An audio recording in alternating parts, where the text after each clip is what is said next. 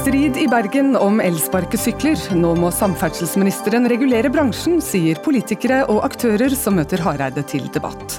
Forholdet mellom Norge og Sverige har surnet under koronakrisen. De stengte grensene er uttrykk for et lillebror-kompleks, sier professor. Kjønnet ditt er det bare du selv som kan vite, skriver lege. Det har ingen forankring i medisinens basalfag, svarer professor i evolusjonsbiologi.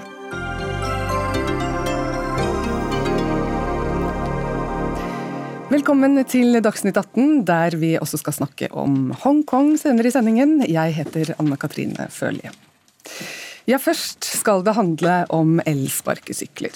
De er elsket og de er hatet, særlig i Oslo der diskusjonen har gått lenge, men nå også i Bergen. For på fredag ble det i løpet av natten satt ut nærmere 500 elsparkesykler i byen uten at kommunen hadde gitt tillatelse. Og det likte du dårlig, byråd for klima, miljø og byutvikling i Bergen fra Miljøpartiet De Grønne, Tor Håkon Bakke. Hva er det som er så galt med å få noen sparkesykler også i Bergen. Det som er galt, er at eh, vi har en aktør, eh, Ride, eh, som driver med utleie av el-løperhjul, som vi kaller det i Bergen. Og De kom i nattens mulm og mørke og plasserte ut hundrevis av el-løperhjul uten noen avtale med kommunen eller politiet, som selvfølgelig er eier av den offentlige grunnen. Og De driver altså kommersiell virksomhet på offentlig grunn uten avtale med Bergen kommune. I Bergen så er det sånn at innbyggerne og de folkevalgte de bestemmer. Vi har gåstrategier, vi har sykkelstrategier, vi har demokratiske politiske prosesser hvor ulike interesser f.eks. eldre råd råd for funksjonshemmede, eh, andre, blinde, svaksynte. Eh, bergenserne de er med på å bestemme hvordan byen skal være og hvordan byen skal utvikle seg. Ja, disse, og så også dette, i dette. Ja, ikke sant? Dette firmaet som da har satt ut disse sparkesyklene, det heter Ride. Vi har snakket med dem eh, i dag. De satte ut av mellom 300 og 500 sykler i Bergen før helgen. De har søkt om dette tidligere. Og, og i realiteten så har de jo lov til dette? De mener at de har lov til det. Eh, vi vil mene bl.a. med bakgrunn i politivedtektene eh, i Bergen kommune at de ikke har anledning til det. At du må ha en avtale eh, med Bergen kommune for å drive kommersiell virksomhet på offentlig gategrunn. Og Det er jo kjernen av dette her, i hvert fall rent juridisk. Men vi ser jo at mange ulike kommuner sliter med å få dette til. De ulike elspark- eller el-løperhjulaktørene sier jo at norske kommuner har mulighet til å regulere dette. F.eks. Trondheim har forsøkt. De hadde ut et anbud som var politisk bestemt i bystyret i Trondheim kommune men aktøren Ride de brydde seg ikke om det anbudet og satte ut elløperhjulene sine selv om de ikke var med på å vinne det.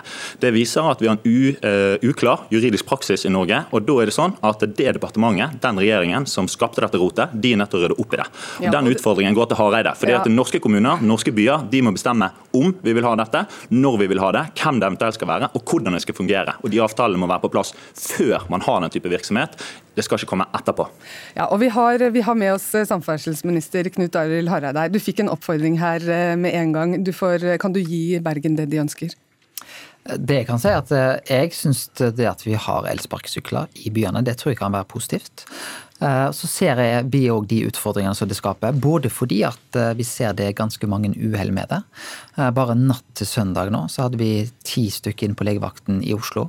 Fra lørdag kveld klokka ti til søndag morgen med ganske alvorlige skader. Eh, og så ser vi òg at ikke minst det er problem med hvordan disse syklene blir satt fra seg. Eh, og du har ikke lov til å sette fra deg en sykkel hvis det er til hinder eller ulempe. Så det er ikke tvil om at mange av disse syklene blir satt fra seg på en måte som er ulovlig. Og så er det jo vårt ønske at vi selvfølgelig hadde ønsket at partene, de som er i denne bransjen, hadde greid å ordne opp og fått dette på en god måte. Men jeg er villig til å se på et regelverk som gir tydeligere føringer. Eh, men jeg hadde jo ønsket egentlig at partene skulle løst dette opp. Men sånn jeg ser praksisen nå, så må vi vurdere et strengere regelverk. Ja, vi kan komme tilbake til hva slags tydeligere regelverk du kan komme med, Hareide. Men vi, skal, vi må fortsette litt i Bergen. fordi Charlotte Spurkland, du er bystyremedlem i Bergen fra, fra Høyre. Hva tenker du om at byrådet og Bakke her blir så overrasket over disse elsyklene i helgen? Altså, jeg syns det er litt spesielt at uh, byråden har uh, brukt de siste dagene på å stå og snakke med utestemme og kjefte på aktører, når vi vet at de uh, har forsøkt å komme i dialog med kommunen. Det er over altså det er halvannet år siden Ride først tok kontakt. Det har de andre aktørene også gjort. byråden har kommet veldig bakpå i denne saken. og Hvis han hadde faktisk gjort jobben sin, så hadde man klart å lage de avtalene som Hareide her etterlyser. Vi hadde sluppet alt det kaoset som, som vi har sett de siste ukene. For det er jo ingen som ønsker det. Eh, men jeg tror nå er det eh, byråden som virkelig må ta styringen over det her. Men hva skal han gjøre da? Skal han si at det er greit, kom igjen, dere kan få lov å sette ut sparkesykler her? Ja, altså jeg mener jo at elsparkesykler kan bli en kjempegreie for byer og for Bergen. Jeg tror det var 22 000 brukere så langt bare på disse få dagene. Så det er jo noe som folk har lyst til å ta i bruk. Og da må vi legge til rette for det. Men det må jo selvfølgelig skje på en ordentlig måte. Derfor så har jo vi i Høyre vi har etterlyst eh, at det bør komme regler for dette. her. Det gjorde vi i august 2019. Eh, og vi har skrevet eh, en rekke forslag og har et forslag som vi har sendt inn til bystyret som skal behandles i september. For jeg tror Når dette kommer inn i ordnede former, og hvis byråden kan sette seg ned med disse aktørene og finne gode løsninger, så kan dette her bli veldig bra. Ja, Bakke, nå hører du både fra Hareide og fra Spurkland her at dette burde du ha tatt tak i litt tidligere? Ja, det er fair at uh, man mener det. Uh, men det er fremdeles sånn at det er innbyggerne og bystyret som bestemmer. Og det finnes ikke noe positivt uh, vedtak i bystyret om at man skal ha dette. Og det å gå på siden og støtte opp under en aktør som tar seg til rette i byen på denne måten her, og som går på tvers av vedtatte strategier for gåbyen Bergen bl.a., og også en aktør som sier at de ikke trenger noen avtale, og som også helt eksplisitt har sagt at de f.eks. ikke er interessert i parkeringsplasser for elløperhjulet sine sine, den typen aktører, da må man sette hardt mot hardt. Og Vi ser også nå i kveld at The Ride sier at de skal rulle tilbake eh, elsparkesyklene sine eh, inntil videre. Så Vi ser jo her at det her nytter det eh, å ta tak og ta grep. og Det er jo nøyaktig det byrådet og jeg har gjort de siste dagene siden dette fremmedelementet kom inn på gatene. Og Det er ikke sånn at Bergen kommune eller jeg eller byrådet er prinsipielt mot elløperhjul. Ikke i det hele tatt. Dette har vært i privat bruk lenge. Vi ønsker et pilotprosjekt i en bydel i Bergen for å lære av dette. Vi ønsker å lære av andre kommuner. Og Det er det vi har sagt til alle de som har tatt kontakt med oss av ulike elløperhjulaktører. Alle har respektert det, utenom denne ene. Og Det er utrolig trist og leit for de seriøse aktørene i denne bransjen. Mm. Regelverket er eh, litt vanskelig å forstå her, eh, Hareide. Er det greit det som har skjedd i Bergen? Altså, det tror jeg vi skal være tydelige på. Dette er et relativt nytt fenomen. Vi har fått det først i Oslo, og deretter i Trondheim, og nå òg i Bergen. Og det vil komme til flere byer, det er jeg helt sikker på. Eh, fordi det er jo en del av en mobilitet som jeg tror er positiv, og som mange ønsker å bruke seg. Men det er jo da viktig at det skjer på en sikker måte, og selvfølgelig at sårbare grupper som skal få lov til å bevege seg i trafikken, ikke opplever at dette er en hinder eller en ulempe. Det er det i dag. Eh, og da mener Jeg at eh, jeg hadde jo ønsket at òg bransjen skulle ta et stort ansvar for å få dette til å fungere. For jeg mener det er et problem òg for de aktørene men Først så må du si hvordan du vil stramme inn. For du har sagt i dag at du vil gjerne stramme inn. Eh, og da lurer jeg på hvor er det du skal gjøre det? Jeg har sagt at jeg startet arbeid med å se på dette. Og det kan jo være òg at vi kommer til å vurdere òg dette underveis. Finne bransjen gode løsninger som gjør at dette problemet Nei, jeg kommer med ingen forslag i dag. Fordi at vi starter, Og dette er et ganske stort arbeid, har jeg lyst til å si. For, eh, og det er ganske komplekst. Eh, vi vet jo i dag, som jeg sier, at en del sykler er rett ut ulovlig parkert fordi de er til ulempe, til hinder. Det er jo politiet som i realiteten har kontroll til å gjøre noe med det. Men eh, her kan jo vurdere hvem er det som får lov til å følge opp dette. På hvilken måte kan det være mulighet til å gi gebyr.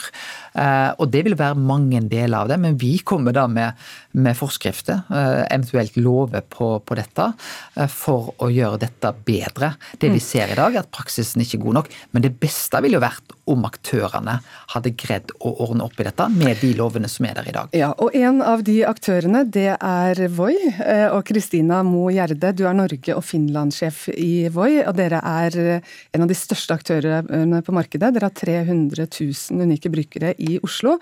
Du har noen forslag eh, helt konkret nå. Hva er det du tenker at Hareide bør gjennomføre for å få orden eh, i, i dette? Mm. Først og fremst så er jeg jo bare veldig takknemlig for at vi endelig sitter her. og Dette er jo noe vi har etterspurt siden dag én, eh, når vi lanserte her som første eh, operatør i, i, Oslo for godt over et år siden. Når det er sagt, så er det, det helt konkret det vi etterspør, det er jo at nå vi ser på regulering, og at ansvaret for regulering det er tydelig at det ansvaret ligger hos lokale myndigheter.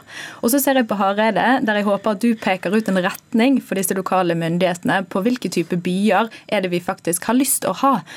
For jeg tror at det, det er mye der det ligger. Vi ser at elsparkesykler er enormt populære. Du nevner 300 000 brukere på godt over et år. 2,2 millioner turer på elsparkesykler. Det er et enormt Vi har ventet på dette mobilitetsgjennombruddet, og nå er det her. Og da handler det om å finne de gode løsningene. Og dere har jo også et ansvar her som aktør. Du foreslår en slags lisensordning. Hva ser du for deg da? Ja, For oss så handler dette om å Vi skal ikke finne opp hva kan du si, løperhjulet på nytt her. Eh, dette har vært rundt i Europa nå i snart to år, eh, og vi har fått god erfaring fra andre byer og andre markeder. Og det vi ser at Selvregulering det er vanskelig. Det er vanskelig i en bransje som er preget av høy konkurranse, eh, mange operatører, og sånn som det er i Oslo nå, så handler det om å være størst. Så for å heve kvaliteten, tilbudet til, til både brukeren, for byenes del og for oss, så vil vi ha en forutsigbarhet forutsigbarhet, og da etterspør vi en lisensordning. Hareide, lisensordning, kan det bli aktuelt? Ja, Vi ser jo hvordan vi skal regulere dette. og Jeg, vil ikke avvise noen eh, løsning i dag. Så tror jeg òg det er viktig med den type uh, tilbud, og at det er en positiv konkurranse i, i markedet. Uh, og jeg mener jo også at, Men det vi ser er f.eks. dette med ulike områder der vi skal sette fra sykkelen. Det å få en litt mer orden mm. i, i, dette, det tror jeg er helt det, nødvendig. For det, det, er noe av hovedproblemet. Ja, det sa du i. Men Gjerde, hvis, hvis, det da er tre, tre aktører som du nevner i det forslaget deres, så er jo det en liten måten for dere å bli kvitt konkurrentene på, da? Mm. Eh, først og fremst vil jeg bare si at vi er for konkurranse. Eh, konkurranse er viktig, for dette er en bransje som er tre, eh, preget av sterk innovasjon og eh, høy teknologiutvikling. Så konkurranse må vi ha. Mm. Eh, når det er sagt, så ser vi at for å få til et godt samarbeid med kommunene, så er det bedre lagt til rette hvis du har et færre antall operatører som får mulighet til å investere og bli vurdert ut og vinne anbud og vinne konkurranser basert på objektive kriterier. Vi må ta inn samferdselsbyråd i Oslo, Arild Hermstad for Miljøpartiet De Grønne også. Hvorfor regulerer dere ikke mer i Oslo? Altså, eh, for det første så er det viktig å slå fast det skal være trygt. Vi skal unngå trafikkfarlige situasjoner i Oslo. Vi skal også sørge for at svaksynte, blinde, funksjonshemmede kommer seg frem på en trygg måte. Eh, og det vet vi at det skjer ikke i dag. På vei opp hit så eh, kjørte jeg forbi, syklet jeg forbi en som lå i veikanten med flere folk rundt seg, som hadde falt av elsparkesykkelen sin. Jeg tror det var en privat, men likevel. Dette, dette er et stort problem. og Helt siden disse kom, så har vi slitt i Oslo med at hjemmelen for å regulere mangler. Og Grunnen til det er fordi vi hadde en samferdselsminister fra Frp som fikk dette servert over bordet. Hva gjør vi med elsparkesykler? Da tok regjeringen et aktivt valg, knipset med fingrene og sa at nei, dette er fritt frem. La oss liberalisere i blinde. Sånn som egentlig regjeringen ønsker å gjøre med vannskutere og snøskutere i utmark osv. En, en fullstendig ansvarsfraskrivelse som gjør at vi som kommuner, til og med Oslo som en stor kommune, har veldig begrenset med mulighet til å si nei og si, sette ned foten. Så vi har vært avhengig av å ha en dialog med bransjen, med politiet.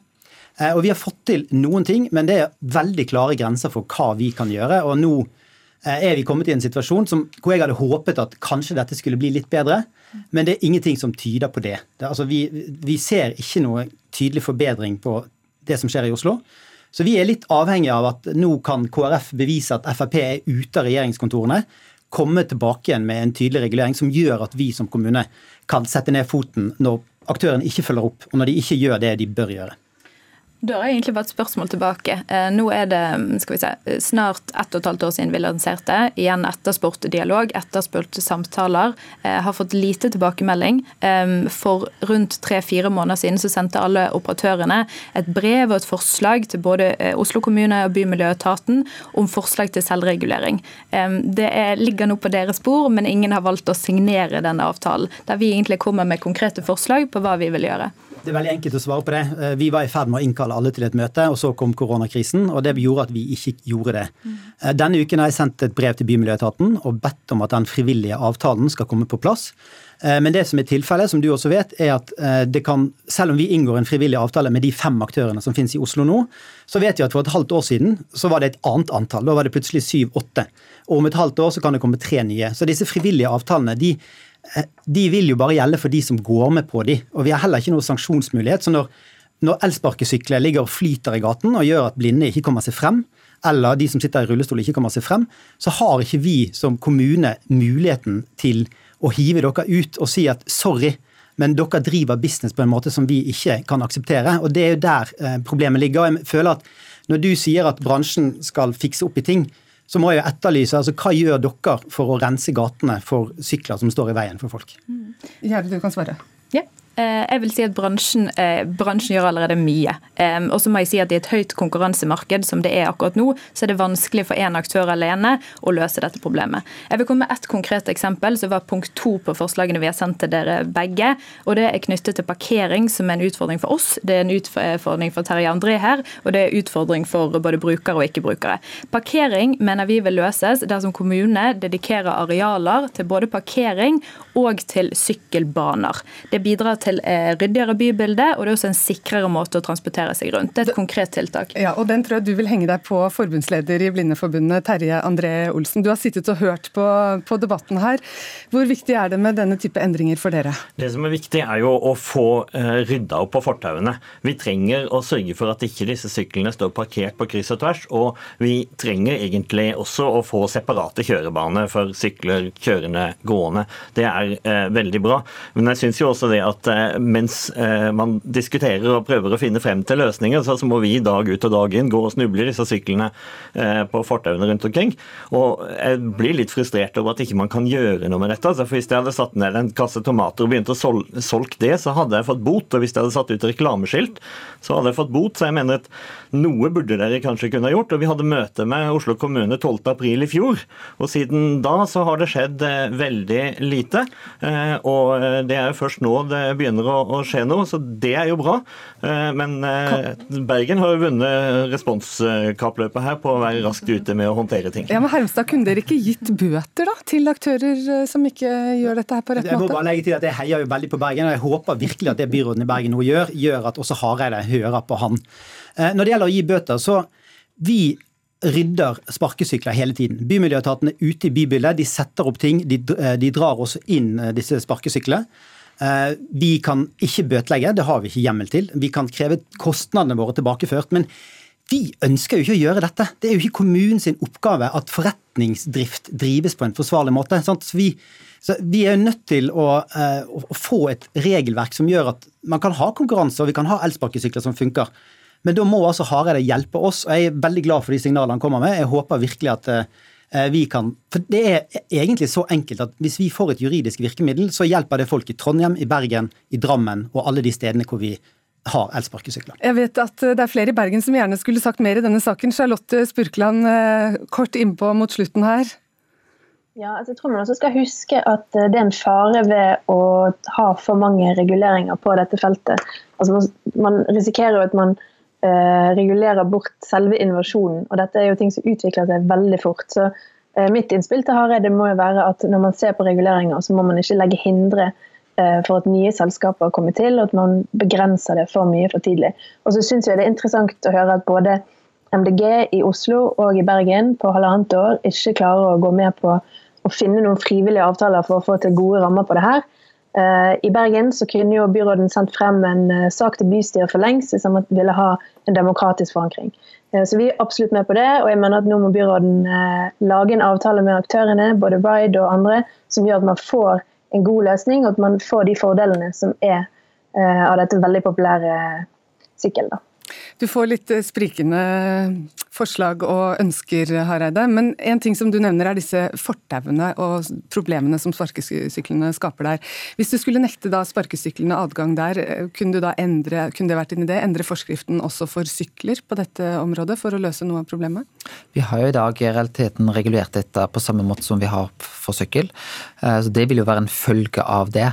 Eh, men jeg er nok skeptisk til om vi kan gjøre en så stor endring. Jeg tror nok at eh, den type verktøy bør ha mulighet til å være på fortau, men følge det regelverket som er på fortau i. Og det har jeg lyst til å si, den praksisen som er i dag, både med kjøring og hensetting, parkering, er i strid med loven.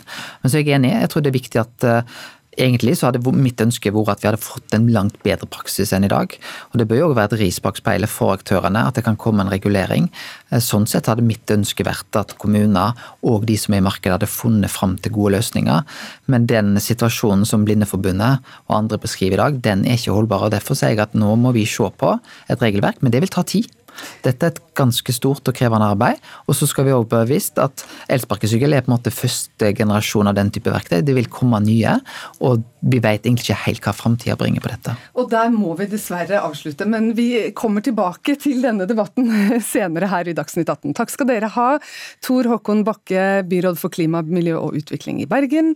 Bystyremedlem i Bergen, Charlotte Spurkland. Kristina Mo Gjerde i Voi. Samferdselsminister Knut Arild Hareide. Samferdselsbyråd i Oslo, Arild Hermstad. Og Terje André Olsen, forbundsleder i Blindeforbundet.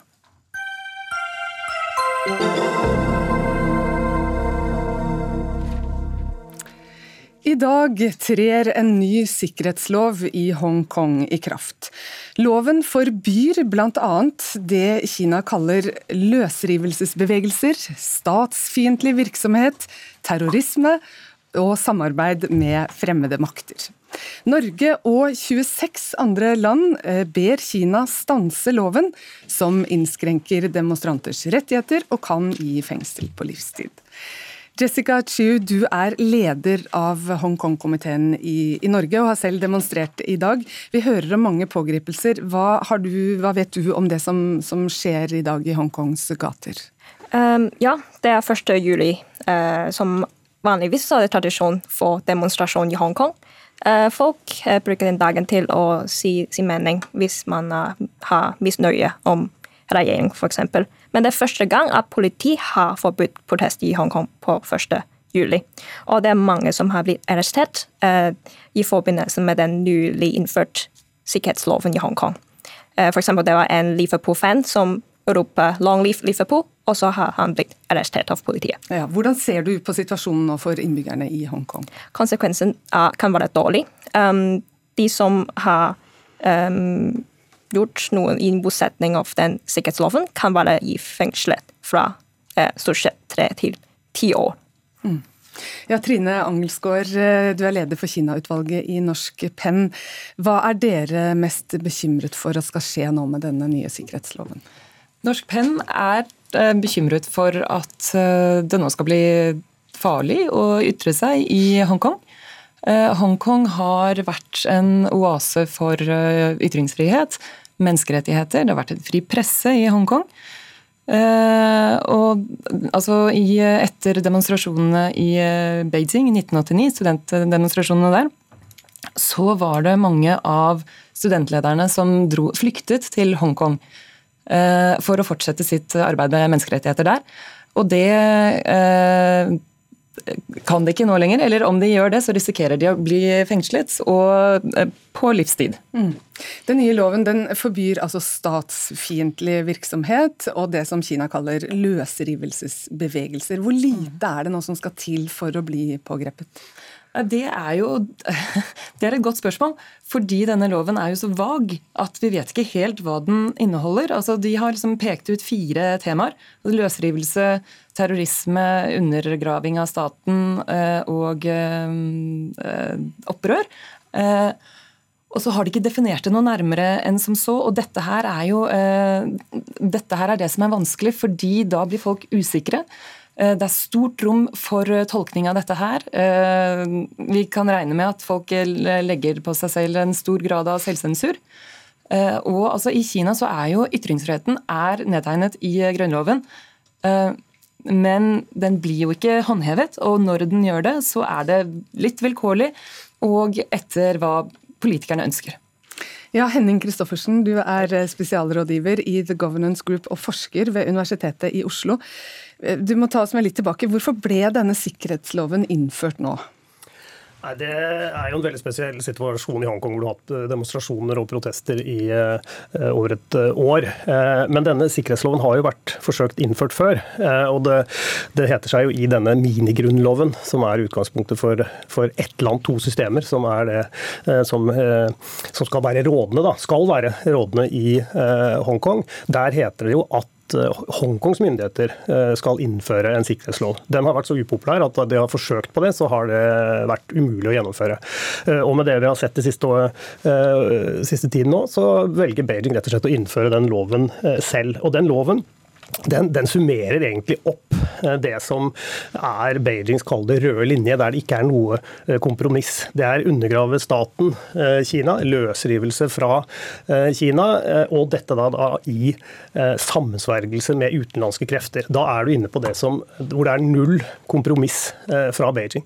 Så slik jeg leser det, så, så har Beijing kalkulert inn alle økonomiske problemer og utfordringer de kan få pga. dette her, men her har de bare valgt å Her kjører de den harde linjen. Men må den være være så streng når det gjelder ytringsfriheten?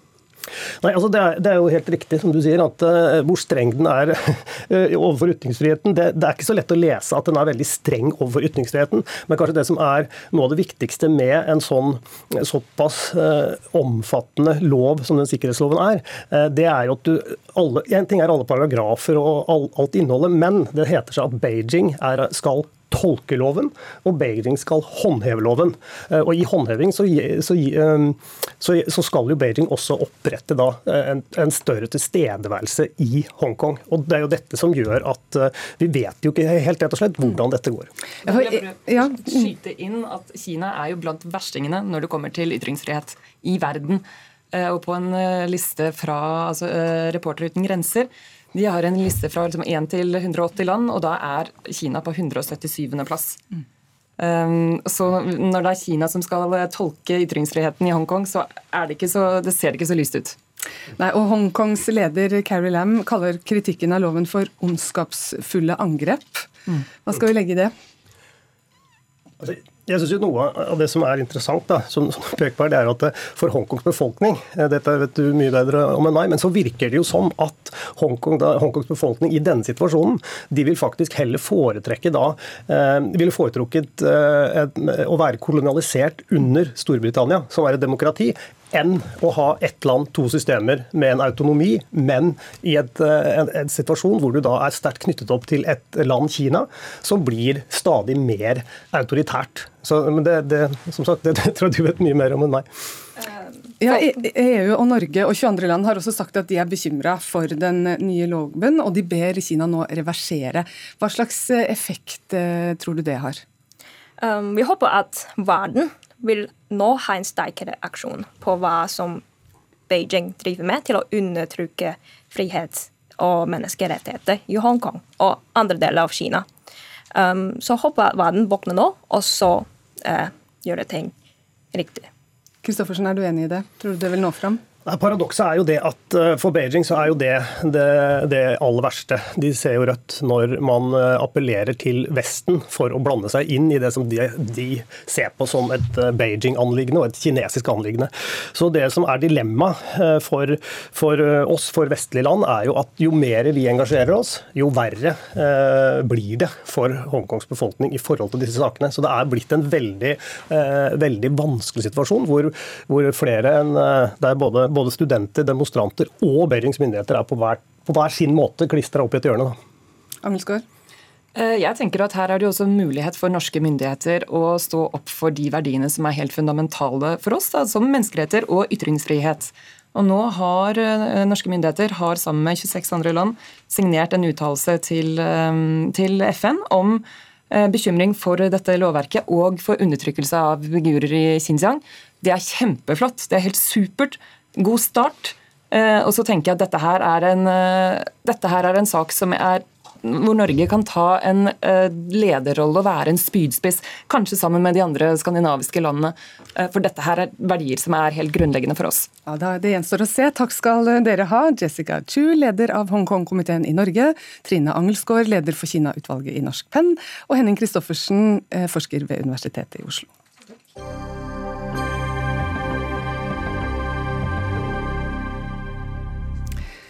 Den svenske koronastrategien har vekselsvis blitt møtt med misunnelse og forskrekkelse her i Norge.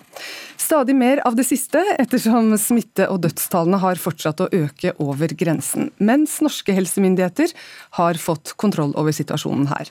Men nå viser en studie fra Karolinska instituttet at flokkimmuniteten i Sverige kan være mye høyere enn antatt. Noe som teller positivt for den svenske fremgangsmåten. Og So Alemann, overlege og seksjonssjef eh, på infeksjonsklinikken ved Karolinska universitetssykehuset i Sverige. Du er en av forskerne bak studien. Tidligere har man sjekket antistoffer, eller det dere i Sverige kaller antikropper, for å teste immunitet. Men hva er det dere har sett på nå? Ja, Der ser det ut som vi ikke har kontakt med, med So Alemann.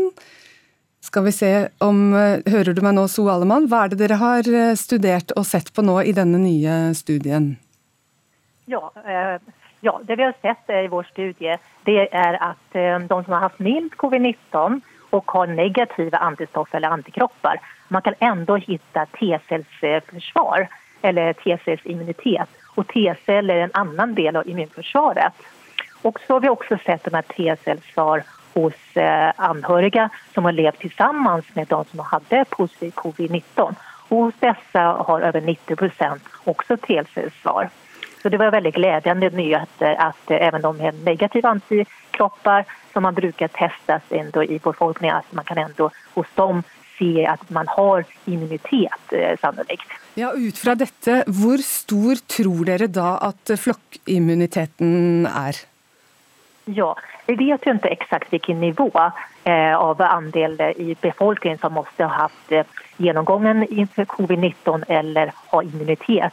Men vi visar jo ändå at eh, som i Stockholmsrådet så är ju 10% som antikroppar. Men förmodligen utifrån vår data så ligger jo kanske dubbelt så högre eh, i Stockholmsregionen som har uppnått immunitet. Och det här förklarar också varför antal nyinfekterade med svår covid-19 minskar i Stockholmsområdet. Mycket färre kommer in nu til intensivvården. Men kan dere si at man da blir immun når man har hatt smitte uten å bli eh, særlig syk, bare ved da å se på disse T-cellene? Ja, det det her er liksom fråga som vi behöver titta på nærmere. Men vi ser også de fåtal som var, inte hadde noen symptom, at de kan også utveckla T-cellsvar. Eh, och det, det är många som i, i befolkningen har eh, helt asymptomatiskt eller eh, utan symptom eh, covid-19 och kan smitta vidare. Men også at disse kan utveckla T-cellsvar. Det har vi sett i vår studie. Men Studien er ikke publisert enda, men hvis dette skulle vise seg å stemme, dere legger likevel ikke opp til en massetesting av T-celler. Hvorfor ikke det? Ja, eh, som sagt, det här är inte publicerat och det här resultatet måste verifieras i andra forskarstudier. Men det är så här att antikroppar, det är mycket lättare att testa och det är maskiner som testar igenom det och det är många tester som kan köras på samma dag. Men för T-cellstestning, det är väldigt mycket manuellt arbete som tar mycket tid och det går tyvärr inte i dagsläget att göra masstestning med T-celler. Men om man ändå fortsätter att mäta antikroppar så ger det ändå en, en nivå av att, eh, hur mycket nära flockimmunitet man är. Och då sen vet man att om man har en viss procent av positiva antikroppar man får lägga till extra för att det är flera andra man kan påvisa T-cellsvar på. Takk skal du ha, So Alemann. Eh, den store smittespredningen i Sverige er altså blitt sett på med skrekk fra norsk eh, hold. Men eh, Hilde Sandvik, du er programleder i podkasten Norsken, svensken og dansken, som går på radio i hele Skandinavia. Og du er også nestleder i Foreningen Norden. Dette er ingen konkurranse, men dersom flokkimmuniteten nå viser seg å være høy, kan det sette den svenske strategien i et bedre lys? Ja, Dette har vært diskutert absolutt hele veien. og Jeg må vel innrømme at en del av meg har tenkt har håpet nesten at svenskene har rett. Eh, og Det er jo noe med den nesten skråsikkerheten som Anders Tegnell og svenske folkemyndigheter har hatt når de har fortalt om, om sin strategi. Eh, dette har jo også samtidig ført til at eh, aviser som New York Times, Financial Times eh, skriver om Sverige i øyeblikket som en pariakaste. Eh, som eh, får mange svensker til å både rynke på nesen og bli eh, litt støtt på mansjettene. Eh, men dette var en god nyhet for alle som egentlig innerst inne elsker Sverige. Ja, hva slags innenrikspolitiske bruduljer har denne håndteringen skapt så langt? I starten så var det en stor oppslutning om det svenske prosjektet. Eh, etter hvert så har en begynt å rasle mer med sablene, og særlig har Sverigedemokraterna og Jimmy Åkesson vært kraftig ute. Og Jimmy Åkesson gikk så langt at han kalte håndteringen i Sverige for en massakre på eget folk. Eh, som er jo en ganske heftig ting å si. Ebba Busch Thor i Kristeligdemokratene har òg vært ganske så tydelig og skarp. Men poenget er at fordi at oppslutningen om strategien har vært så entydig, så har heller ikke f.eks. Altså Kristersson i, i Moderaterne hatt så veldig mye han skulle ha sagt. Det ble en del bruduljer da Ann Linde, den svenske utenriksministeren, eh, var ute i den tyske TV-kanalen eh, Deutsche Welle i et eh, conflict zone-program. Og var ifølge Kristersson Eh, både arrogant og, og, nesten uspiselig i sin måte å forsvare den svenske modellen på. Men, men kan, det kan virke som at det faktisk også, at svenskene tar seg nær av den kritikken som kommer nå. Senest i dag så var det et intervju i Svenska Dagbladet med utenriksministeren som snakker om forholdet bl.a. til Norden, og, eh, og sier at dette kommer til å ta lang tid å hele. Ja, for Sverige har altså valgt en annen fremgangsmåte enn Norges slå ned-strategi. Men du tror ikke eh, at de nasjonale strategiene har hatt så mye å si? Bo Rothstein, du er professor i statsvitenskap ved Universitetet i Gøteborg, og har fulgt nøye med på utviklingen i Sverige og internasjonalt. Hvorfor tror du ikke det?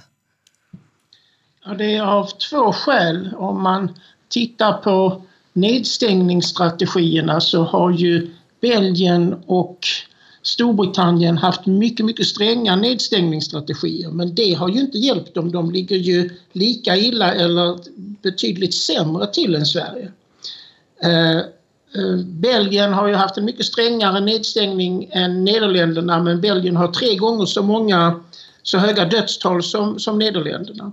Det andra skälet är något som inte har uppmärksammats men jag var tidigt ute och pekade på det. Det finns väldigt stora regionala differenser. Så ta Italien till exempel där eh, norra Italien, Lombardiet, är en av de värst drabbade regionerna. Men eh, Rom, Neapel och södra Italien är knappast drabbat alls. De har egentligen ingen överdödlighet. Mm. Och så ser det ut i de flesta länder. Man har väldigt stora regionala variationer. Även i Sverige Skåne, den sydligaste delen av, av Sverige, har en tiondel i mortalitet mot vad Stockholm har. Och så ser det ut i de flesta länder och detta betyder att eh, om de nationella nedstängningsstrategierna var väldigt viktiga skulle vi inte se dessa enormt stora regionala variationer. Mm. Det skulle, om man skulle följt de här eh, simuleringsmodellerna som lanserades så skulle det här spritt som en bombmatta över landet. Men du, det har de ikke gjort. Er du enig med Sandvik her som sier at eh, det er troen på fornuft, kompetanse og det rasjonelle som ligger bak eh, det dere gjør i Sverige nå, den svenske strategien? Nei, ikke alls. Eh, Derfor at I Sverige har det jo også funnits en stor grupp mye kompetente forskere innom det her området som i flere debattartikler gått ut og foreslått en helt annen strategi. Varför regeringen har valt att inte lyssna på dem utan lyssna på experterna i Folkhälsomyndigheten, det är svårt att förstå. Hvordan, hvordan, reagerer svenskene nå på at dere blir holdt ute av det gode selskap eh, av flere land nå? Ja, det er fremst de nordiske broderländerna som stengt ute oss. Ja, just nu har rest til Italien, det har gått alldeles utmärkt. Eh, alltså, jag tror vad jag kan se från data så är detta med att begränsa resandet nästan inte värt någonting. Om man tittar på eh, Italien igen med de väldigt stora skillnaderna mellan Rom och Milano och nu pratar vi om skillnader som handlar om att Milano har ungefär 20 gånger fler avlidna än, än Rom. Så før det att Italien stängde ner så reste ungefär, om jag har försökt räkna rätt här, 1,6 miljoner människor mellan de här städerna. Och det hade ingen betydelse. Så hva jeg kan se så har dette med å stenge grenser og hindre reisende ekstremt liten betydelse. Jeg oppfatter det som en slags symbolpolitikk. Ja, Sandvik, hva sier du til det? Symbolpolitikk? Ja, altså, og det kan òg være en symbolpolitikk når, når, Norge bestemte seg for å stenge Sverige, men åpne Gotland, som er jo en ganske spesiell eh, sak å gjøre. All den tid stockholmere reiser i kø til, til Gotland eh, på somrene. Eh, men eh, jeg er litt usikker på hva Bård Rådstein sier når han mener at det ikke er, er truer på kompetanse og ekspertisen. Eh, vi har jo lært under denne koronakrisen, men òg tidligere, at det forvaltningssystemet i Sverige er annerledes på den måten at eh, myndighetene har større makt og myndighet enn, det du f.eks. ser i Danmark og i Norge. Eh, der tjenestemenn eh, og -kvinner kan altså instruere en minister, men ikke omvendt. Og den det er jo noe av det som bl.a. Jimmy Åkesson har påpekt, at han ønsker å få en debatt om hvorvidt han lykkes eller ikke med det. Det gjenstår å se. Ja, Hva tror du dette kan få å si for eh, forholdene på litt lengre sikt mellom landene i Norden? Ja, for å svare på denne frågan om forvaltningsmodellen så tror jeg ikke at den har spilt noen rolle. Finland har i stort sett samme forvaltningsmodell som i Sverige. Men der har jo regjeringen tatt et uh, veldig tungt grep over, over denne krisen. Og det, det finns ingenting som hindrer regjeringen her från å ta et mye starkt grep om dette. Om man tittar på andre kriser av nationell karakter i Sverige, t.ex. når den sovjetiske atomubåten strandade i den, i den svenska skärgården, eller de to økonomiske krisene som vi har hatt 91 og och 2008 så har ju inte regeringen avhändat sig eh, beslutsfunktioner till eh, förvaltningen utan där har ju regeringarna, framförallt statsministern, tagit ett väldigt tungt grepp. Varför man inte gjort det här, det vet jag faktiskt inte, men det är något ovanligt alltså. En gissning jag har är att man saknar i regeringen forskningskompetens. Det er veldig svårt om man ikke själv är forskare att ifrågasätta andre forskere og deres modeller. Og her finns det faktisk i den svenske regjeringen ingen som har eh, eh, noen forskerkompetens alls. Vi får sette sluttstrek der. Takk skal dere ha, Bo Rothstein, professor i statsvitenskap ved Universitetet i Gøteborg, og Hilde Sandvik, programleder i Norsken, Svensken og Dansken.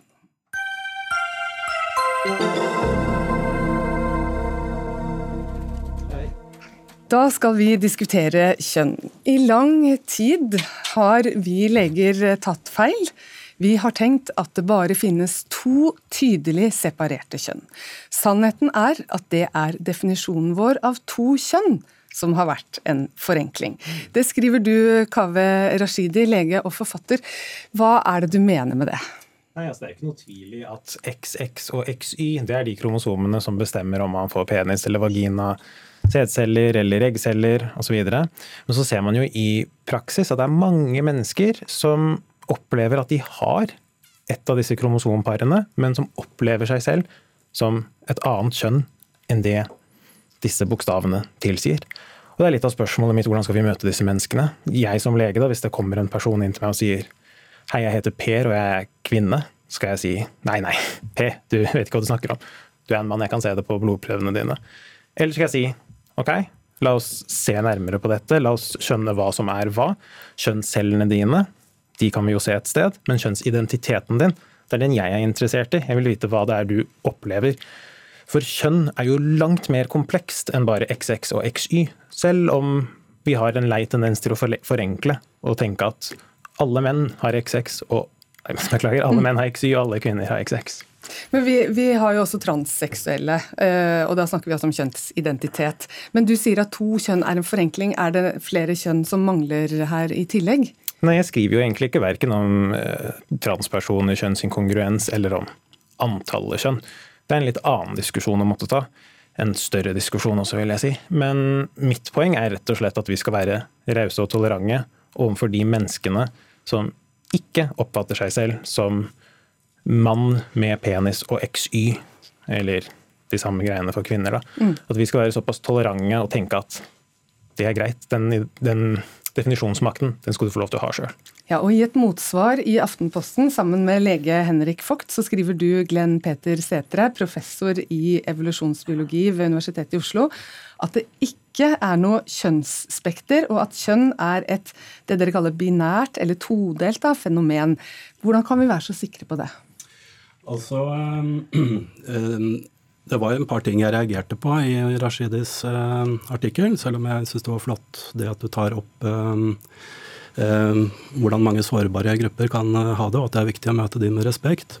Så, så føler jeg at ved å si, relativisere en biologisk forståelse av kjønn, at du, at du på en måte åpner for at skal si, det naturfaglige fundamentet som medisinen eh, hviler på. At du eh, er litt for lettvint med det, rett og slett.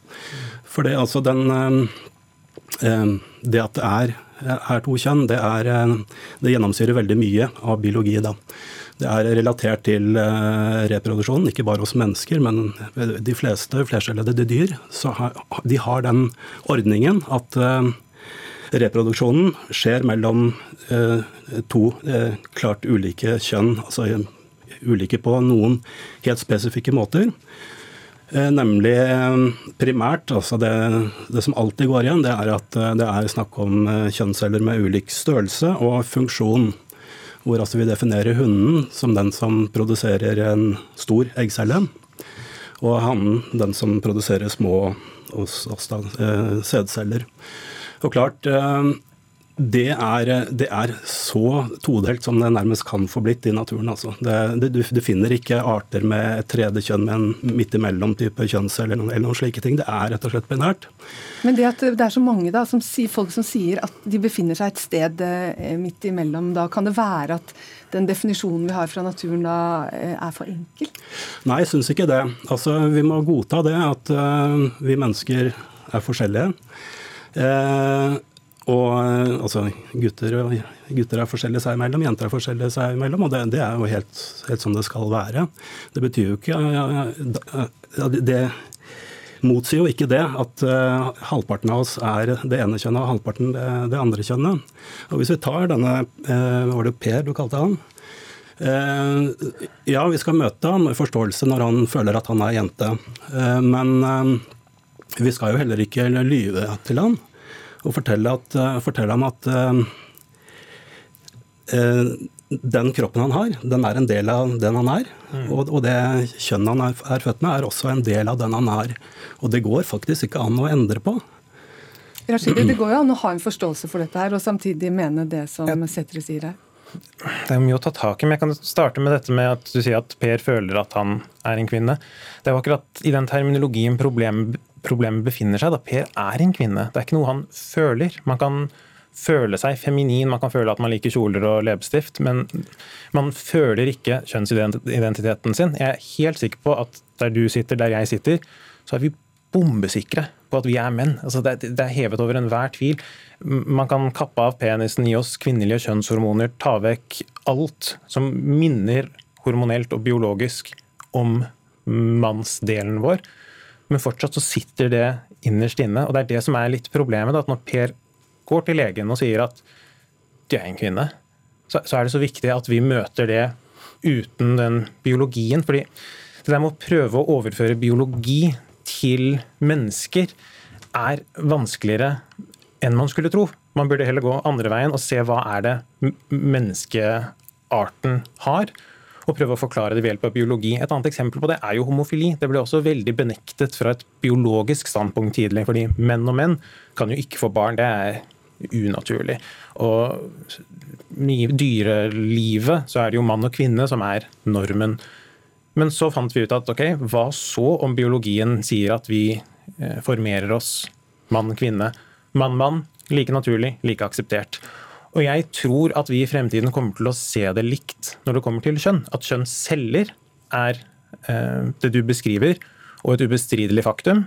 Mens kjønnsidentitet, faktisk, det faktiske kjønnet vi har, det er ikke det samme som om vi har penis eller vagina. Men Rashidi, jeg må bare spørre, altså Du sier at det er individet selv som skal definere hvilket kjønn uh, de har.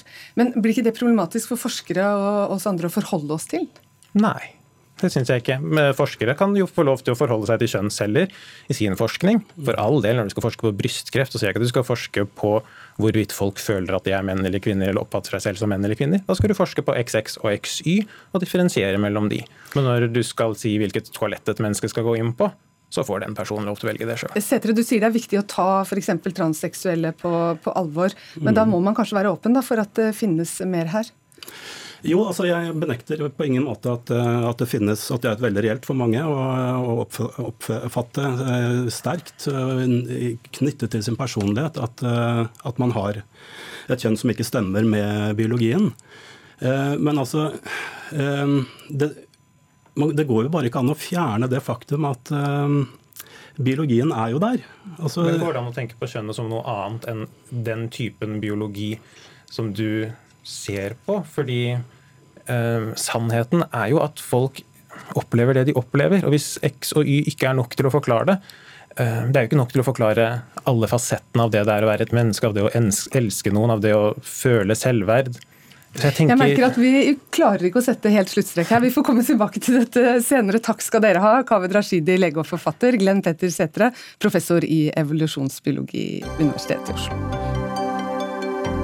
Hør Dagsnytt 18 når du vil. Radio NRK Radio.nrk.no. Natt til 9. april for to år siden hang tre menn opp flagg med hakekors utenfor det tidligere Gestapo-hovedkvarteret i Kristiansand.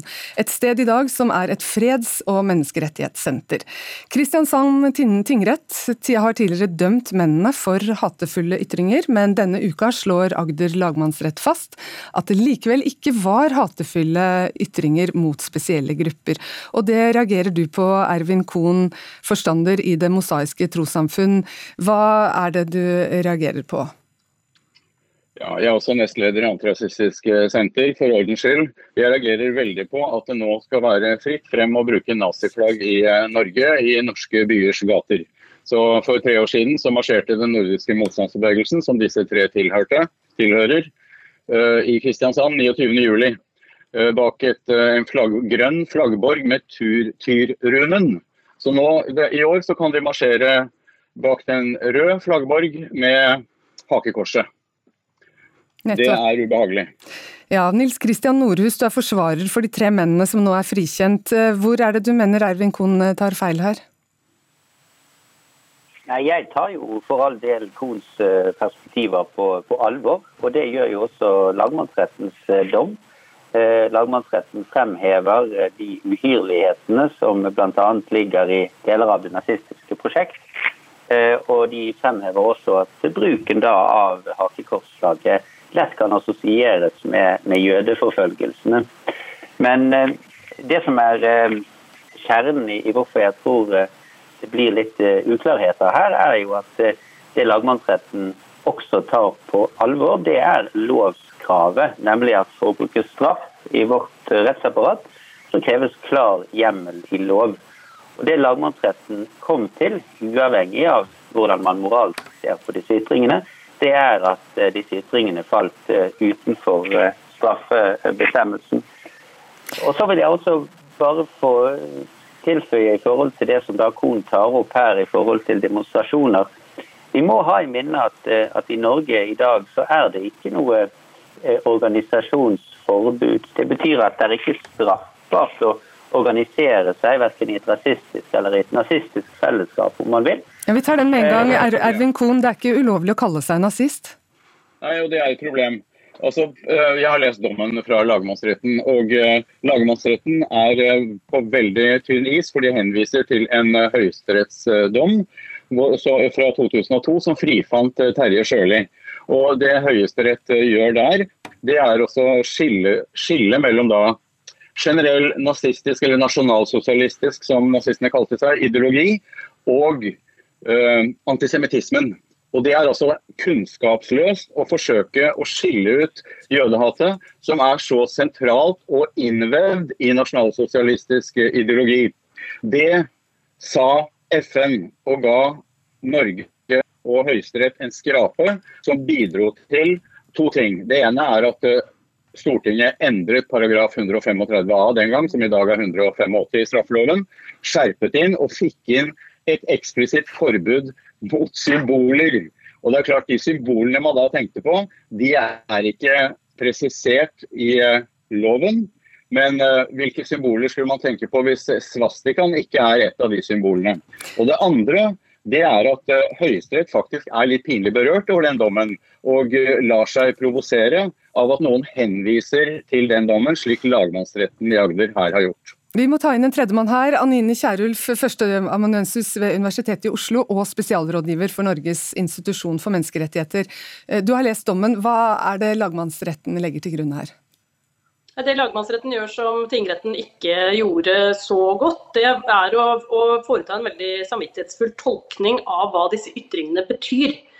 Eh, det eh, leder da eh, lagmannsretten til at dette er en omfavnelse av nasjonalsosialismen, og det er også en hyllest for så vidt av at vi ble okkupert da under krigen, og også en tilslutning til en del av det som skjedde på Arkivet, der hvor disse bannerne hang, hvor det ble utøvd integritetskrenkelser. Det de sier er at det er ikke spesifikt nok rettet mot noen grupper som er omfattet av denne 185-bestemmelsen.